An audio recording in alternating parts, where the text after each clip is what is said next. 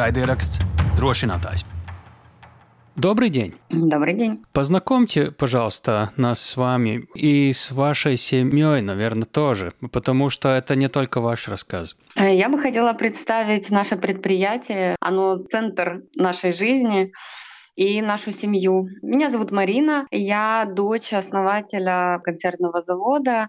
Завод был мечтой моего папы. Я бы сказала, что мы достаточно типичная семья, украинская. Мы из Херсона, мой папа из Одесской области, сам по национальности болгарин. Их поселение болгарское во время войны перекочевало в Одесскую область, и а, есть такое село Огородное. Там люди до сих пор разговаривают на болгарском языке. Меня бабушка иногда забывает она что-то говорит, говорит и переходит резко на болгарский язык. Я на нее смотрю, говорю, бабушка, остановись, я не понимаю. Поэтому э, мой папа болгарин по крови, но всю жизнь прожил в Украине. Он знает и болгарский, и русский, и украинский язык. После армии он, вернее, до армии еще они женились с мамой, женились тайно. Добавим перчинки в ваш подкаст. И э, у них родилось двое детей, я и моя сестра. И с тех пор мы проживали в Херсоне, в таком милом небольшом городке. Если я не ошибаюсь, население Херсона 300 тысяч, население Киева, куда я вскоре переехала, 4 миллиона.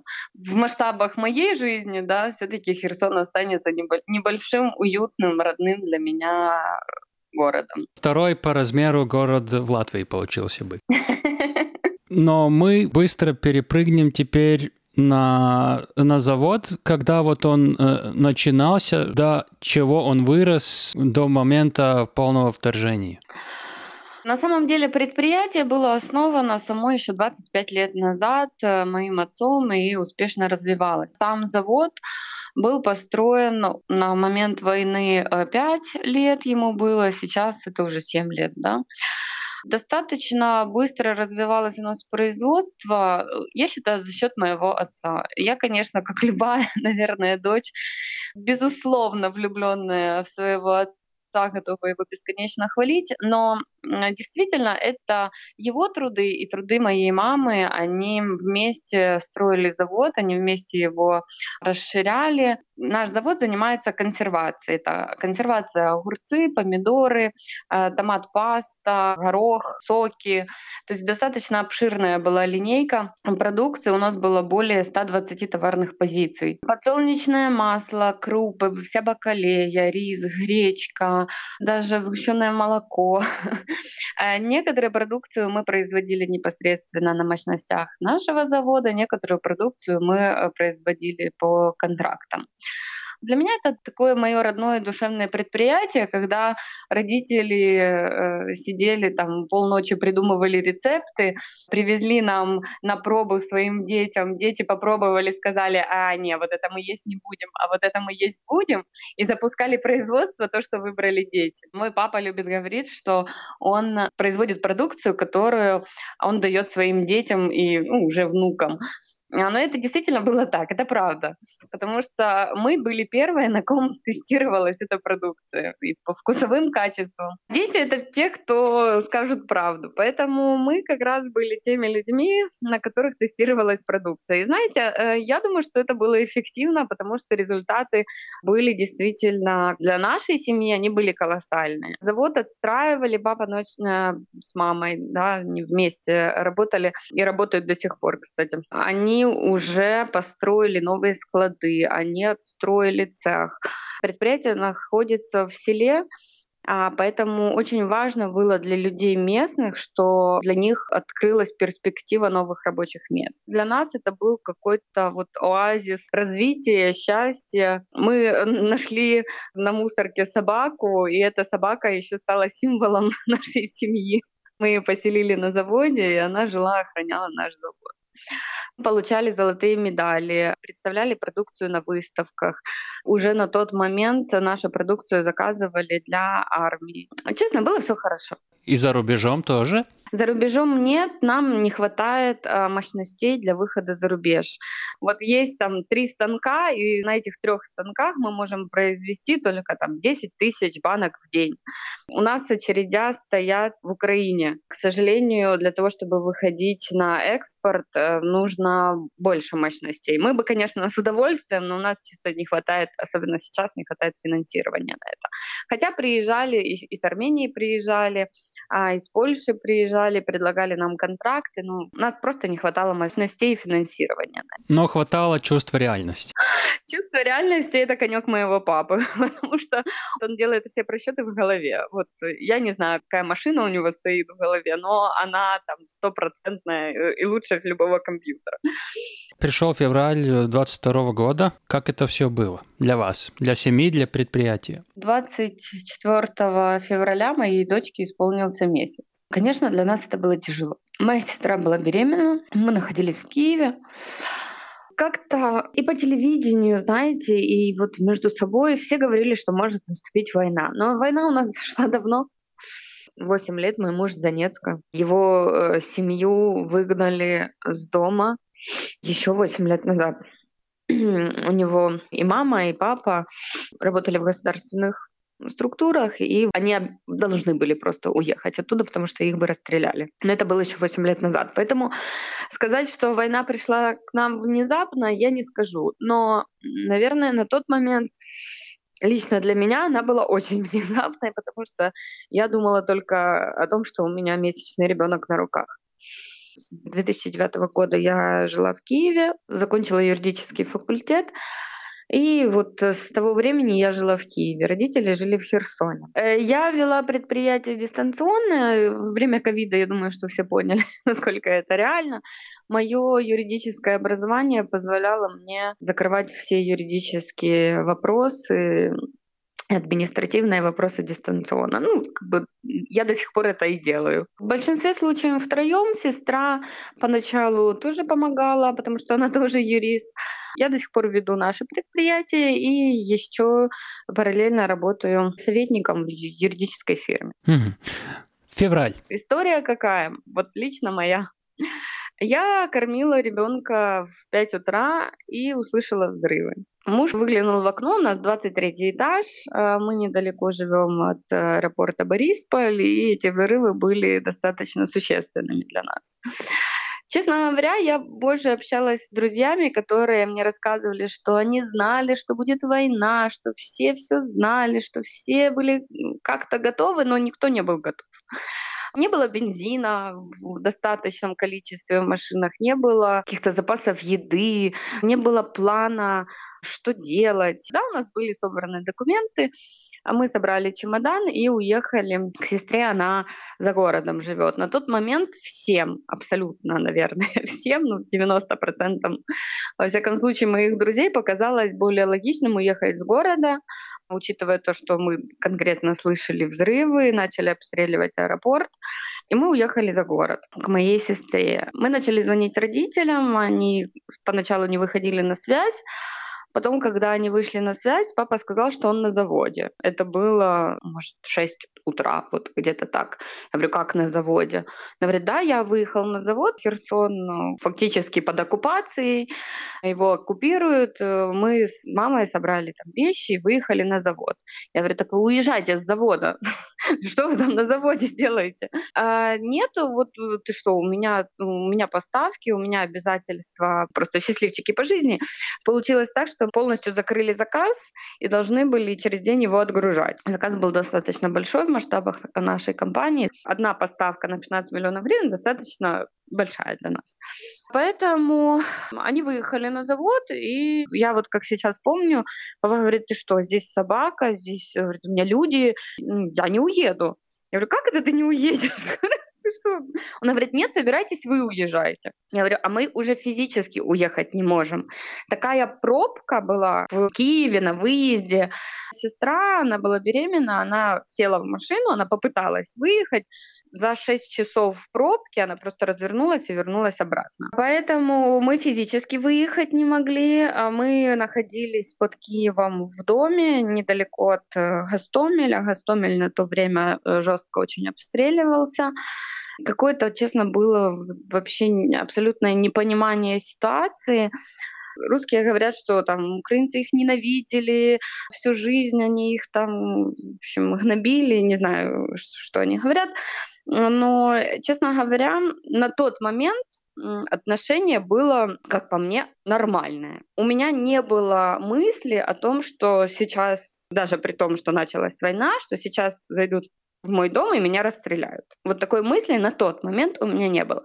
Мы стояли во дворе, у меня ребенок маленький спал еще на улице, и над нами пролетали российские вертолеты. Они просто смотрели нам в глаза, ну, то есть они пролетали на высоте там ну, двух метров. Они смотрели нам в глаза, и мне было очень страшно, мне было страшно за себя, за ребенка. Я, конечно, убежала в дом, спряталась. Но сказать, что такого страха от России, как на сегодняшний день у меня есть, и такого непонимания, ненависти, тогда не было.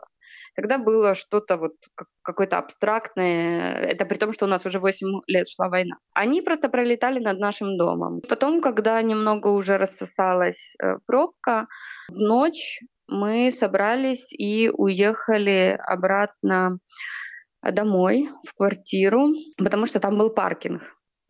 У нас абсолютно не было бензина, мы не знали, что нам делать. И мы решили переждать.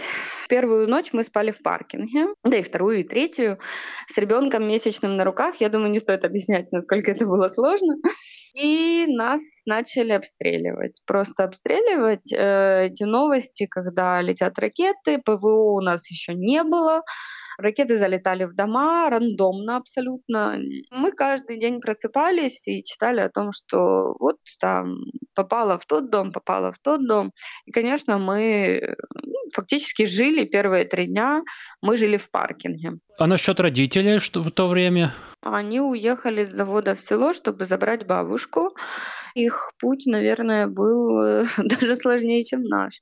Потому что когда они выезжали, им пришлось выезжать ночью с выключенными фарами, потому что они проезжали мимо танков уже на тот момент. Папа был сто процентов уверен в том, что вот он сейчас там вывезет бабушку, в том, что он поедет, вывезет нас куда-то в более безопасное место и вернется на завод. Это была искренняя просто уверенность. Но когда они выезжали нам навстречу спустя три дня, я думаю, что где-то в глубине души он все-таки догадывался. Я надеюсь, что он догадывался. Но нам об этом не говорил, что вряд ли он уже вернется туда. Он оставил продукцию открытой. Продукцию разбирали просто люди. А вскоре ее разбирали и военные. А вот все, что было на складе, ну, мне кажется, что частично, наверное, кто-то выжил за счет того, что там были продукты питания. Мы хотели выехать, это были выходные, и объявили комендантский час. Я мужу сказала, говорю, ну, комендантский, не комендантский, надо выезжать. Я уже слышу ДРГ, я слышу автоматные очередя за окном. Мне очень страшно, ты подрываешься среди ночи от взрывов, хватаешь ребенка, спускаешься в паркинг, давит психологически. Я говорю, давай выйдем. Она говорит, нет, выехать сейчас нельзя буквально там через 4 часа после этого разговора я открываю новости и вижу, что семья, которая хотела выехать, трое детей, мама и муж, были расстреляны на Телиге, это там улица недалеко от нас. Я понимаю, что это могли бы быть мы, если бы мой муж разрешил тогда выехать. Их просто расстреляли, потому что им нужна была машина. И на следующий день, когда уже разрешили выезжать, выехали навстречу родителям. Они очень просили нас уезжать, но я сказала, что я без них никуда не уеду. Таким образом, я их просто выманила оттуда из завода и от бабушки, ну это одна территория. И мы встретились, сначала мы встретились на нейтральной территории, нас приютили люди, там партнеры папы, родителей, потом родственники далекие. Мы полторы недели у них жили. А когда мы выезжали с Киева, я, честно, никогда просто этого не забуду. Ну, мы видим, там дым, там идет бой, там идет бой, то есть это все открытая территория. Есть у нас такая называется трасса Житомирская. Мы выезжали в ту сторону. Мне муж просто сказал фразу, говорит, смотри, если что-то будет лететь, говори, я резко торможу, ты выскакиваешь из машины. Ну, э, с месячным ребенком на руках эта фраза, наверное, была таким триггером. Мы не останавливались ни есть, ни пить, абсолютно ничего, эм, пока мы не доехали до относительно безопасной территории. Слава богу, мы встретились с родителями. Когда я увидела папу, мне кажется, не должны дети видеть родителей в таком состоянии. Я прошу прощения, наверное, это не профессионально в подкасте. Он был полностью седой. А, да, он в возрасте, но он посидел за три дня. Не рассказал ничего, но все это внутри у него творилось. Да. Вот. И, знаете, наверное, вот он для меня супергерой, потому что в тот момент, когда все выезжали на Винницу, ну так территориально э, можно было выехать на Западную Украину только той дорогой. И когда ни у кого не было бензина, мой папа вывез нас окольными путями. И, наверное, каждые где-то 3-4 часа, когда мы останавливались, мы заезжали к его друзьям, партнерам. Только тогда, наверное, я поняла, насколько он великий человек. И не в плане, вот он авторитетный или он богатый, в плане, что он настолько честно всегда вел свой бизнес, он ни разу в жизни никого не кинул, выполнял свои обязательства. И когда э, люди просто, ну, они стояли в очередях, они не знали, что им делать, мы приезжали к его бизнес-партнерам, и они заправляли своим бензином наши машины. Одни дали нам памперсы, другие дали нам детское питание. У третьих мы просто переночевали. Это не друзья, с которыми вы там празднуете, пьянствуете, празднуете дни рождения. Это бизнес-партнеры, с которыми вы ведете работу. Мне кажется, не, не всегда люди так относятся да, в бизнесе друг к другу. А его настолько уважали, что просто его ввели в безопасную территорию, его, его детей и внуков. И только за счет этого мы смогли за 18 часов добраться до Черновцов. На то время люди добирались трое суток. Вот как-то так мы прожили первые четыре дня войны. Вы выбрались сами от Киева, выручили родителей от Херсона. Где вы провели эти месяцы оккупации Херсона? Это вы вернулись в Киев? Нет, мы приехали в Черновцы. В Киеве было тогда очень опасно, потому что Киев пытались э, захватить еще до мая. Возвращаться в Киев нельзя было, поэтому мы выехали в Черновцы. Мы жили у бизнес-партнера отца, потому что снять квартиру было нереально. Вообще, в принципе, что-то снять было нереально. Ничего не было. И Херсон уже был под полной оккупацией, там остались наши родственники, моя тетя, моя крестница, племянница, а, моя вторая тетя. Ну, то есть в Херсоне у нас достаточно друзей и родственников, они остались там. И, честно говоря, ну, это был мрак, потому что люди, которые пытались просто выехать с Херсона, их рандомно расстреливали. Кого-то не выпускали, кого-то просто на улицах расстреливали. Моя тетя, она выезжала с перевозчиком ночью в сопровождении. Они группами людей выезжали, людям приходилось выключать полностью свои телефоны под страхом расстрела за то, что они хотят выехать. Их вот просто вывозили партизанскими дорожками, скажем так. Их вывозили. Э, их сначала вывозили на одну базу, они там жили, не знали, когда можно будет выехать. Потом оттуда их группировали, вывозили на другую базу. Кого-то расстреливали, кому-то удавалось э, выжить, кто-то водой, кто-то сухопутным путем. Слава богу, мои родственники живы на сегодняшний день, они смогли выехать, но не все знакомые, скажем так, выжили. Как вы следили в эти месяцы оккупации за тем, что происходит в предприятии? Э, чего вы знали, чего вы не знали, чего, может быть, кто-то рассказал или какие-то фотографии присылал? Как вы за этим наблюдали? У нас были видеокамеры на заводе, поэтому первое время, когда еще был доступ дистанционным к видеокамерам, к видеозаписям, мы следили по видеокамерам. В том селе, где находился завод, были наши люди, поэтому мы еще контактировали с ними. Последнее вот видео с завода, которое у нас есть, как э, на территорию заехал танк. И после этого вся связь оборвалась. С людьми связь оборвалась спустя буквально несколько недель, потому что всех, кто даже планировал, собирался остаться там, их эвакуировали принудительно, и в итоге село было расстреляно на 95%, уничтожены все дома. Историй очень много, на самом деле, мне кажется, по каждой можно писать книгу. Кто-то вышел в погреб в этот момент, ракета прилетела, взорвала его дом. Кто-то не вышел, к сожалению. А были такие ситуации, когда людей эвакуировали, они не успели открыть там ворота или освободить своих животных, они от голода умерли на месте, там привязанные. Просто взрывается все. Ты даже не знаешь, куда бежать, куда идти, что делать. А обстрелы эти, они были как? Там шли бои или просто оккупанты бомбили мирное население, э, чтобы разрушить? Территория, которая была ближе к Херсону, там просто расстреливали мирное население. Территория, которая была серой зоной, ее можно так назвать, там, где велись активные бои, там прилетало в ответ к нашим солдатам.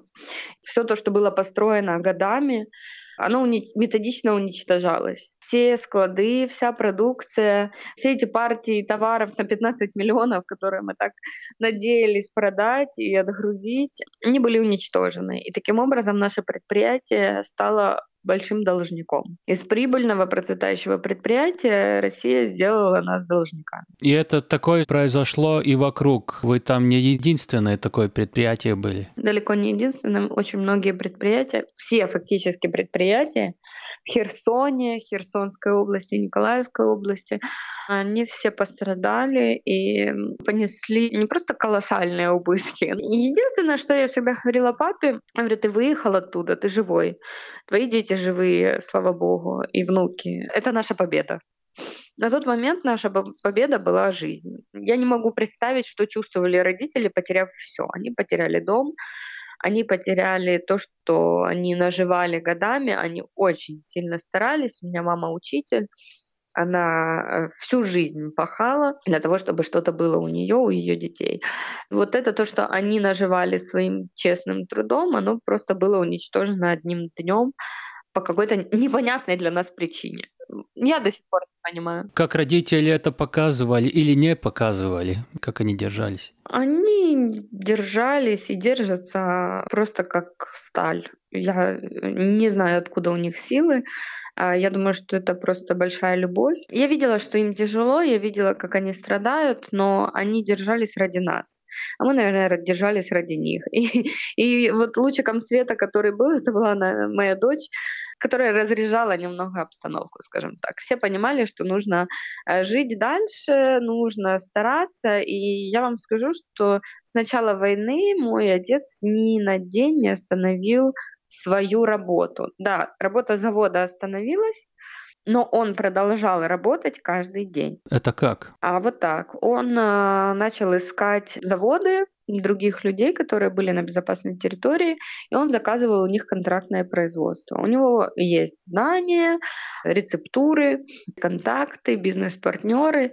Наверное, внуки и работа, да, э, то, что позволило им жить дальше каждый день был на телефоне, он каждый день работал. Каждый... Он мне сказал, я говорю, пап, так э, форс-мажор, ты можешь, я юрист, я говорю, ты можешь не отдавать долги. Весь мир знает, что такое форс-мажор, весь мир знает, что война.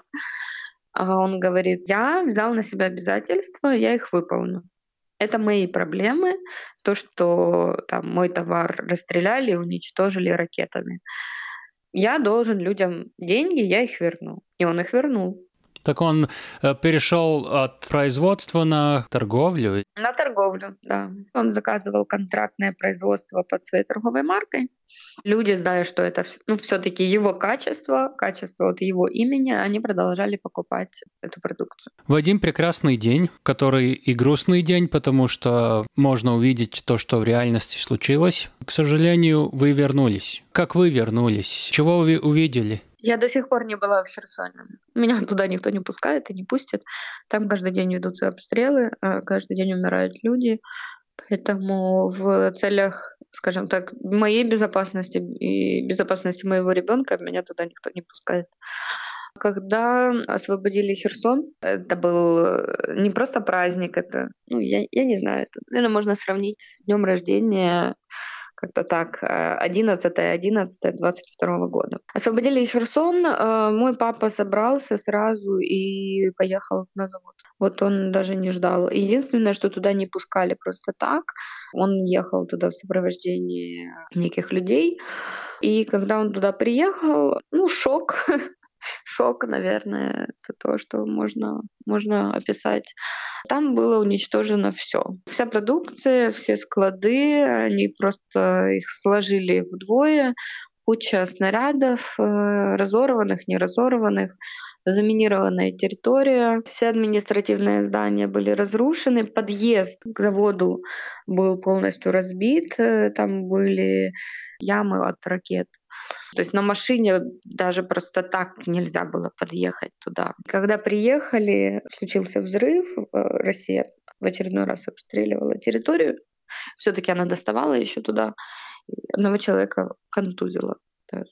Я в фотографиях видел не только там от ракет следы и разрушено все, но и от полей сетка, вот стены, Расстреляно, да. Там велись бои, да, там велись бои. Все было расстреляно, и даже вот у нас э, техника, которая стояла, там же бросили, и машины бросили, и варочные эти агрегаты.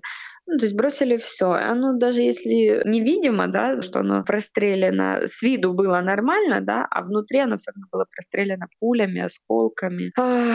Вот. Но, знаете, одна партия, одна партия продукции осталась целой. Это было что-то. Это было первое фото, которое папа мне отправил. Он отправил, говорит, Дотя, стоит партия товара. Ну, э, просто, я не знаю, для людей, наверное, нужно объяснить, что мы производим консервацию не в жестяных банках, а в стекле. Падали стены, падали крыши, ракеты, одна партия банок осталась целая. Я не знаю как. Такое было ощущение, что какой-то ангел там просто сел, и накрыл крыльями эти банки, и все пролетало мимо. Один шаг в сторону стекло, я читал, это не так вот нечаянно, это сознательный такой выбор, да? Э, да, да. Смотрите, э, стекло — это экологическая тара, которая, во-первых, она для природы позитивна, да, потому что она разлагается нормально и все. Во-вторых, в ней э, сохраняются все вещества, полезные самого продукта.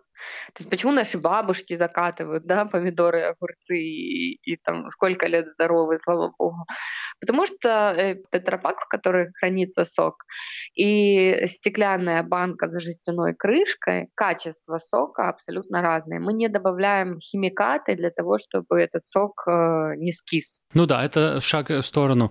А что дальше? Вот я уже дистанционно познакомился с отцом. Я предполагаю, что он брался за делом, и вы вместе с ним. Мы помогали ему дистанционно, мы начали оформлять документы. Это достаточно сложная процедура, как бы там ни было, бюрократия все-таки есть а нам необходимо было зафиксировать все, что произошло на заводе, для того, чтобы открыли криминальное производство, потом судебное производство, для того, чтобы зафиксировать убытки которое предприятие понесло, потому что мы должны были показать государству, должны были показать налоговой, а, а, а эти обязательства никто не снимал с нас, что мы не продали этот товар, он был уничтожен. Поэтому была такая достаточно тяжелая работа по фиксации по расчищению территории.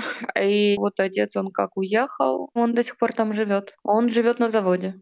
Потому что дом тоже разрушен, да? Дом, слава богу, не разрушен, но дом находится в Херсоне. В Херсон поехать мы не можем, Херсон каждый день обстреливают. Если открыть, да любой новостной канал открыть про Херсон, 48-50 раз за сутки могут обстрелять Херсон. Возле наших домов прилетало в Херсоне не раз. Поэтому в Херсоне там люди живут, но, к сожалению, они в постоянной опасности. Отец остался жить на заводе, он выбрал э, наименее разрушенную комнату. Окон, понятно, там до сих пор нету. Они забиты пленкой, деревом, жестяными листами, потому что территория относительно безопасная сейчас, но все равно не безопасная. Такие реалии. То есть он остался там жить, топил себе буржуйка, это зима, это холод. И он начал расчищать территорию, фиксировать убытки. Нам очень помогла местная администрация военная. Им большая благодарность на века, потому что они выделили человека, который помог зафиксировать и правильно оформить документально эти убытки. Они пошли навстречу и прислали людей, которые помогли разминировать территорию. Это было очень важно потому что вот буквально, наверное, где-то полгода назад, несмотря на всю зачистку территории, а наша кара наехала на бомбу. Я не знаю, какие ангелы там сидят, какие они там поселились. Взрыва не было, человек э, остался жив, который наехал. Он вовремя остановился, он почувствовал, что где-то вот кара плохо едет, и он увидел, что прям под колесом он уже наехал на эту взрывательную часть, и вызвали разминировщиков, они разминировали бомбу, забрали ее, ну, 15 килограмм. Если бы она взорвалась, я думаю, что половина точно там бы легла, кто был рядом. Ну да. Какая вот, когда вот отец вернулся, была ваша цель? Год теперь уже примерно прошел. Что там теперь? И как до этого дошли? Наверное, тяжелым трудом, желанием и рвением. То есть у отца была... Я ему предлагала много вариантов релокации. Релокация — это такая программа, которая государством нашим учреждена по поддержке перевоза предприятий с военных зон. Я ему предлагала много раз, и находила варианты, находила другие заводы. Он сказал нет. Это мой завод, моя семья, люди будут возвращаться, им нужна будет работа. На безопасных территориях есть работающие заводы, я там не нужен. Он отказался релокировать предприятие, он уехал туда и в ужасных условиях, без света, без тепла, без э, коммуникаций, там жил. И 4 апреля он запустил завод. То есть 11-11 освободили Херсон, где-то ближе к декабрю он уехал. И вот с декабря по апрель, 8 апреля, он запустил котел. Для нас это была победа. Я верила, я знала, что у него все получится, но видя те разрушения, которые были, мне было сложно вообще даже представить в своей голове, что это возможно. Но он это сделал с поддержкой мамы, с поддержкой семьи. Он нанимал людей, искал людей. Там найти людей практически нереально. А подвести технику практически нереально. То есть разбиты были подъезды к заводу, разбита территория. Надо было как минимум это все расчистить. Уничтоженные склады, продукция. Представляете, разбить, например, взять трехлитровую банку томатов и разбить у себя в квартире, да? Не очень чисто. Да, там тысячи, тысячи. И это все в холод, я не знаю, что ему помогало двигаться. Ну, наверное, его бесконечная любовь к жизни и рвение. Он искал людей, он искал технику, он платил большие деньги людям для того, чтобы они помогали ему это делать. Нас он туда не пускал. К нему прибилось очень много животных. То есть он стал таким неким оазисом жизни этой территории, начал подкармливать животных, животные начали съезжаться. Я говорю, пап, ну ты там сам один. Там огромная территория не только нашего завода, а вообще этого села. Говорю, ты там один? Говорит, нет, у меня тут 20 собак. Говорит, доча, я не один. Это значит что? Что вокруг у других предприятиях, учреждениях, населенных пунктов и пунктиков ничего такого не было. Ваш случай это редкость или как бы вы сказали? На тот момент мне неизвестно о предприятиях ближайших, которые возобновили работу. Я таких не знаю лично. Люди в принципе не хотели туда, ну как, они хотели вернуться, конечно, в свой дом, но некуда было возвращаться. Люди приезжали, а их дом разрушен полностью. Ни крыши, ни стен. Там еще была большая работа с людьми, чтобы их вернуть вернуть сотрудников, там же кто-то должен работать. До сих пор некоторые люди живут в погребах, потому что у них нет дома. Но они вернулись на свою землю.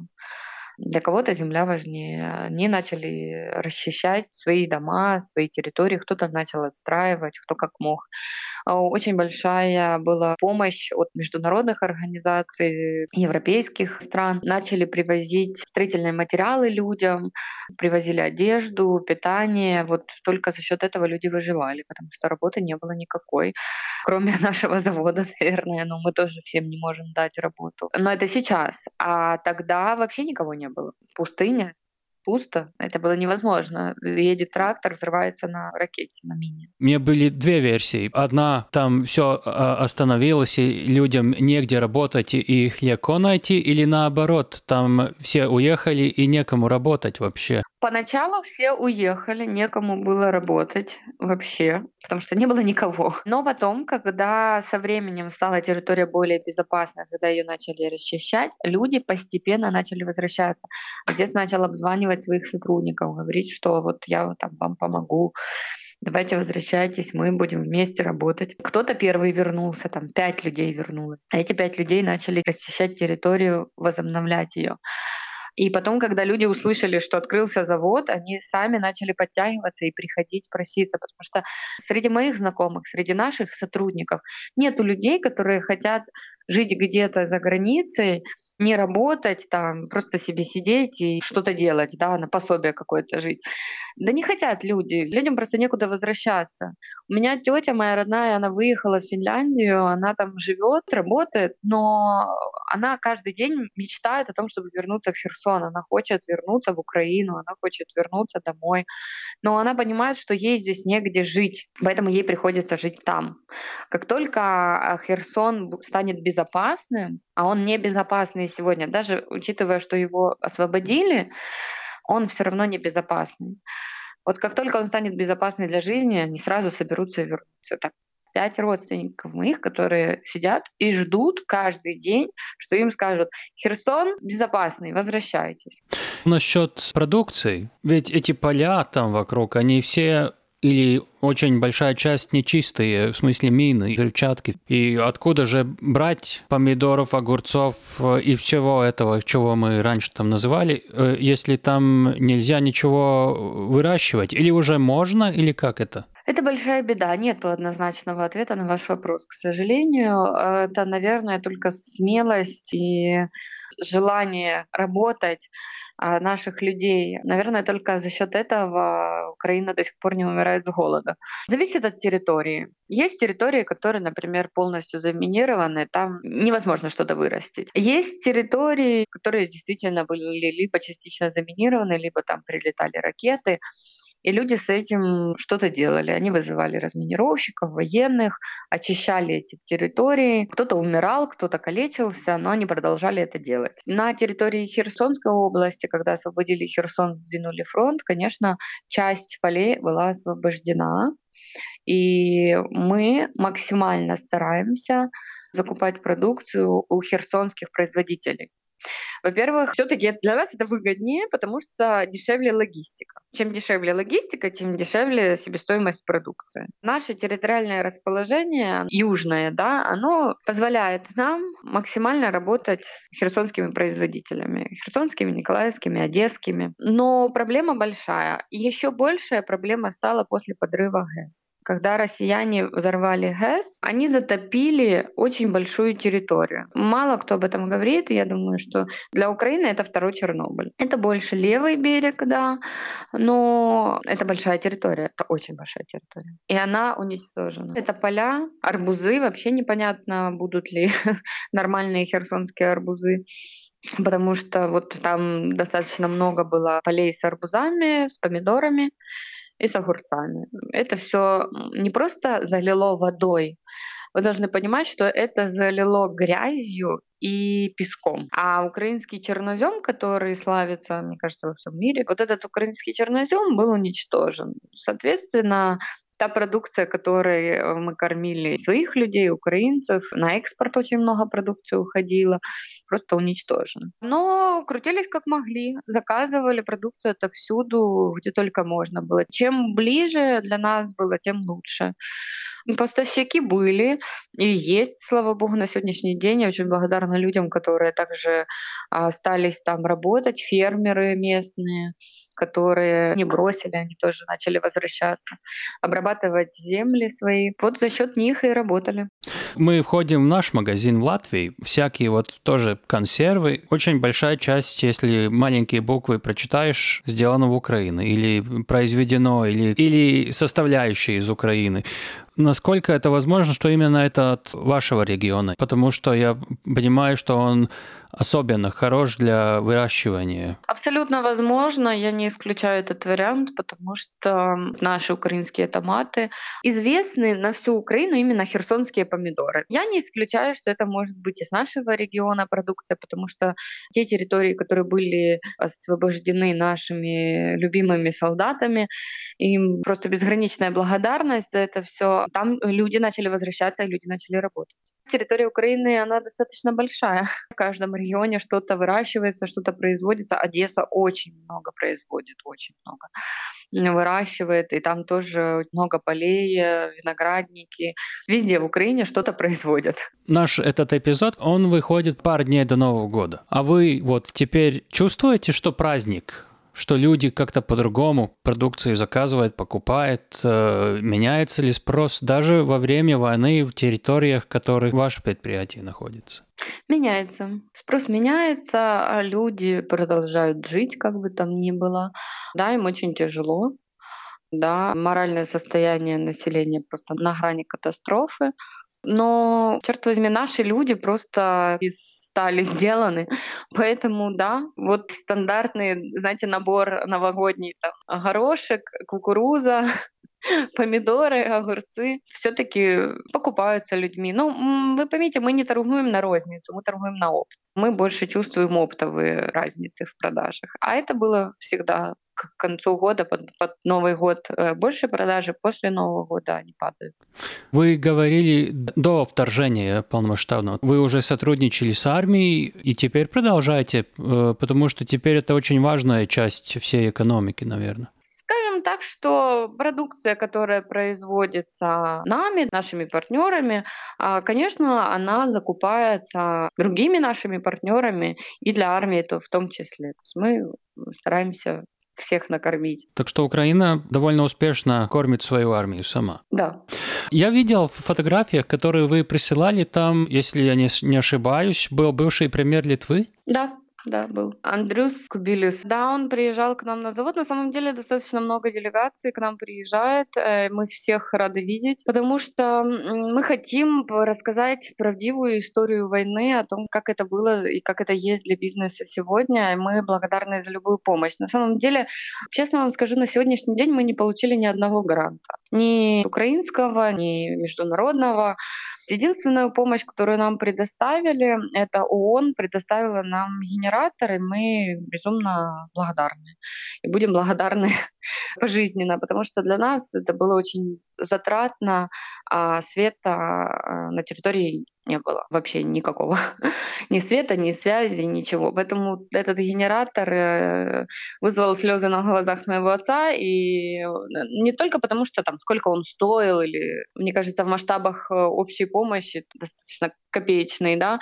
Ну, это просто приятно внимание, приятно то, что мы не одни кто-то интересуется нашей историей, кто-то есть рядом. Вот все делегации, которые приезжают, мы их э, радушно принимаем, показываем, потому что территория все-таки еще разбита, мы не можем до конца ее расчистить. У нас не хватает финансирования, мы отдаем долги, почти уже справились с этой задачей, поэтому сильно вкладываться в производство возможности нет. Тянуть деньги с госбюджета мы не хотим, мы понимаем, что они нужны на другие цели. Мы стараемся крутиться так, как мы можем. Приезжают делегации, привозят, вот непосредственно Андрюс приезжал, есть фотографии с ним, слава богу, в качестве доказательства. Привозили помощь, привозили продукты для местных людей, печенье, какие-то продукты, да, вот что-то такое раздавали.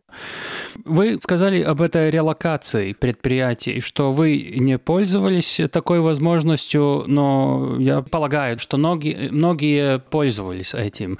Это что значит? Значит, что многие ушли из Херсона и, наверное, так и не вернется? И насколько много таких коллег, если можно сказать, было? Я думаю, что ну, процентов 50 точно релокировалось, но какой-то процент просто предприятий умерло, потому что ну, не, не у всех было там желание, рвение, да, либо возможность как-то развиваться. Некоторые предприятия, которые были территориально прям в самом Херсоне, они даже не успели вывести ничего.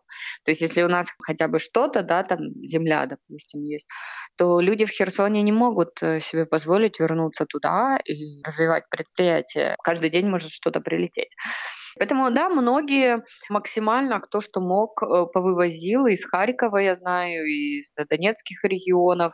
Да, слушайте, даже когда Крым оккупировали, это еще одна моя боль, Тогда тоже вывозили оттуда все, старались вывести, потому что люди не хотели жить в России, и сейчас не хотят жить в России, и не хотят им дарить это все. Поэтому всем по максимуму, кто что мог, собрал, вывез. Но, знаете, есть часть, которую ты можешь вывести, а есть огромные агрегаты, например, которые невозможно вывести. А государство давало поддержку, давало машины, железнодорожными путями помогало вывозить предприятиям, это точно знаю, давало финансирование решения на релокацию. Программы поддержки были. Были международные программы поддержки. Американский фонд. Они причем как финансовую предлагали поддержку, так и обучение, административную поддержку предлагали в организации переезда. А это очень важно тоже было для предприятий. Поэтому вот каждое предприятие крутилось как могло и выживало, и выживает на сегодняшний день тоже как может. Так же самое и мы, да, мы запустили, но мы запустили всего лишь одну линию, понемножку работаем, но это далеко не те масштабы, которые были или которые мы хотим. Нам необходимо новое оборудование, новые технологии. Мы не можем их себе сегодня позволить. Э, то, что у нас было, было уничтожено, и мы ну, работаем на тех минимальных мощностях, которые нам позволяют. Конечно, если бы у нас было больше мощностей, соответственно, было бы и больше рабочих мест. Но исходим из того, что есть. Сколько я знаю, Херсон один из тех регионов Украины, которых более-менее обозначали как русскоговорящих. Как поменялась мысль, чувство населения после полномасштабного вторжения? Насчет кто кого поддержает? Ну, смотрите, я, честно, с детства разговариваю на двух языках на украинском и на русском. Изучала английский. В семье мы разговаривали и на украинском, и на русском. Никогда в этом не было никакой проблемы. Мне всегда было смешно. Я, конечно, понимаю, что Россия начала войну исключительно в целях забрать наши земли и наши ресурсы. Никакой языковой причины да, там не было. Никто никогда никому не ущемлял. Я украинка, разговаривающая на русском языке, никогда в жизни, ни на Западной Украине, ни, нигде в любом другом регионе меня не то что не ущемляли, как бы мне кажется, что больше даже ущемляли Украину украиноязычных периодами, потому что как-то считали, что вот кто разговаривал на украинском, он там с села, например, да, городские разговаривали на русском. Ну, это в Херсоне так было, это правда. Освобождать русскоязычных на украинской земле, которых никто не то что не ущемлял, а наоборот, ну, это достаточно смешно звучит. Ну, они верят в свою легенду, пусть верят. А сейчас они добились полностью противоположного своей поставленной цели, потому что люди сказали, ах так, хорошо, тогда мы переходим на украинский язык. И сегодня, при том, что я абсолютно свободно владею и русским, и украинским, со своим ребенком я общаюсь исключительно на украинском языке. Любой контент, который звучит в нашем доме, исключительно украиноязычный. Потому что я ненавижу ненавижу россиян за то, что они сделали с моей страной, с моей семьей, с моими людьми. И раньше я относилась к ним хорошо. Я, раньше я относилась к ним лояльно, и, наверное, лояльнее, чем должна была относиться. Раньше я тоже говорила, что какая разница, на каком языке мы говорим. Да, они этим воспользовались. Но когда они начали насиловать детей, убивать детей, когда мне стало страшно жить в моем доме, и я поняла, что ко мне могут в любой момент прийти убить моего ребенка и меня и даже не моргнуть глазом, а это было, это реально было. Мою подругу 15 солдат насиловали 12 дней. Честно говоря, после этого разговаривать на их языке у меня не возникает желания. Ну, мы всегда в конце нашего разговора спрашиваем один и тот же вопрос. Чего вам лично пожелать? Победы. Нам только победы. Честно говоря, я не думаю, что мы примем поражение. Лично я не готова его принимать. Я готова сделать все для того, чтобы Украина осталась Украиной. И чтобы Херсон был украинским. Мы максимально и финансово, и физически э, стараемся победить. Я не знаю, какую аналогию провести, да, но для нас, наверное, Россия — это как бывший, который приходит в дом бывшей жены и начинает убивать ее мужа, говоря, что «А, а я, я тут когда-то жил. Нет, мы не хотим. Я не хочу, моя семья не хочет. Они слишком сильно обидели, унизили а, наш народ. Я уверена, что Бог есть. Я абсолютно православный человек. Я уверена, что Бог всегда на стороне тех, кто защищается, а мы защищаем свою землю. Потому что это наша земля, это наша Украина, мы хотим жить в Украине. Даже какой-то один процент проплаченных людей, а это проплаченные люди, мы знаем лично этих людей. Моя классная руководительница, она стала на сторону России, когда они пришли, и она стала директором типа в российской школе в Херсоне. Я не знаю, жива ли она на сегодняшний день, но я знаю, насколько неблагополучно была она и ее семья. И я знаю, что только такие люди, которые повелись на 100 рублей, да, за то, что им заплатили, они продали, продали душу дьяволу и вот каким-то образом пытались кричать, что они хотят к России, потому что они продали душу. Украинцы, которые душу не продали, будут стоять до последнего. Поэтому единственное, что вы можете нам пожелать, это мира, а единственное, чем вы можете нам помочь, наверное, понять и принять ситуацию, понять, что мы не хотим жить в России, и мы будем до конца это стоять. Мы в Латвии понимаем. И спасибо вам за то, что вы уже сделали, делаете, будете делать, и мы будем вам помогать. Спасибо вам и слава Украине. Героям слава. И вам спасибо большое.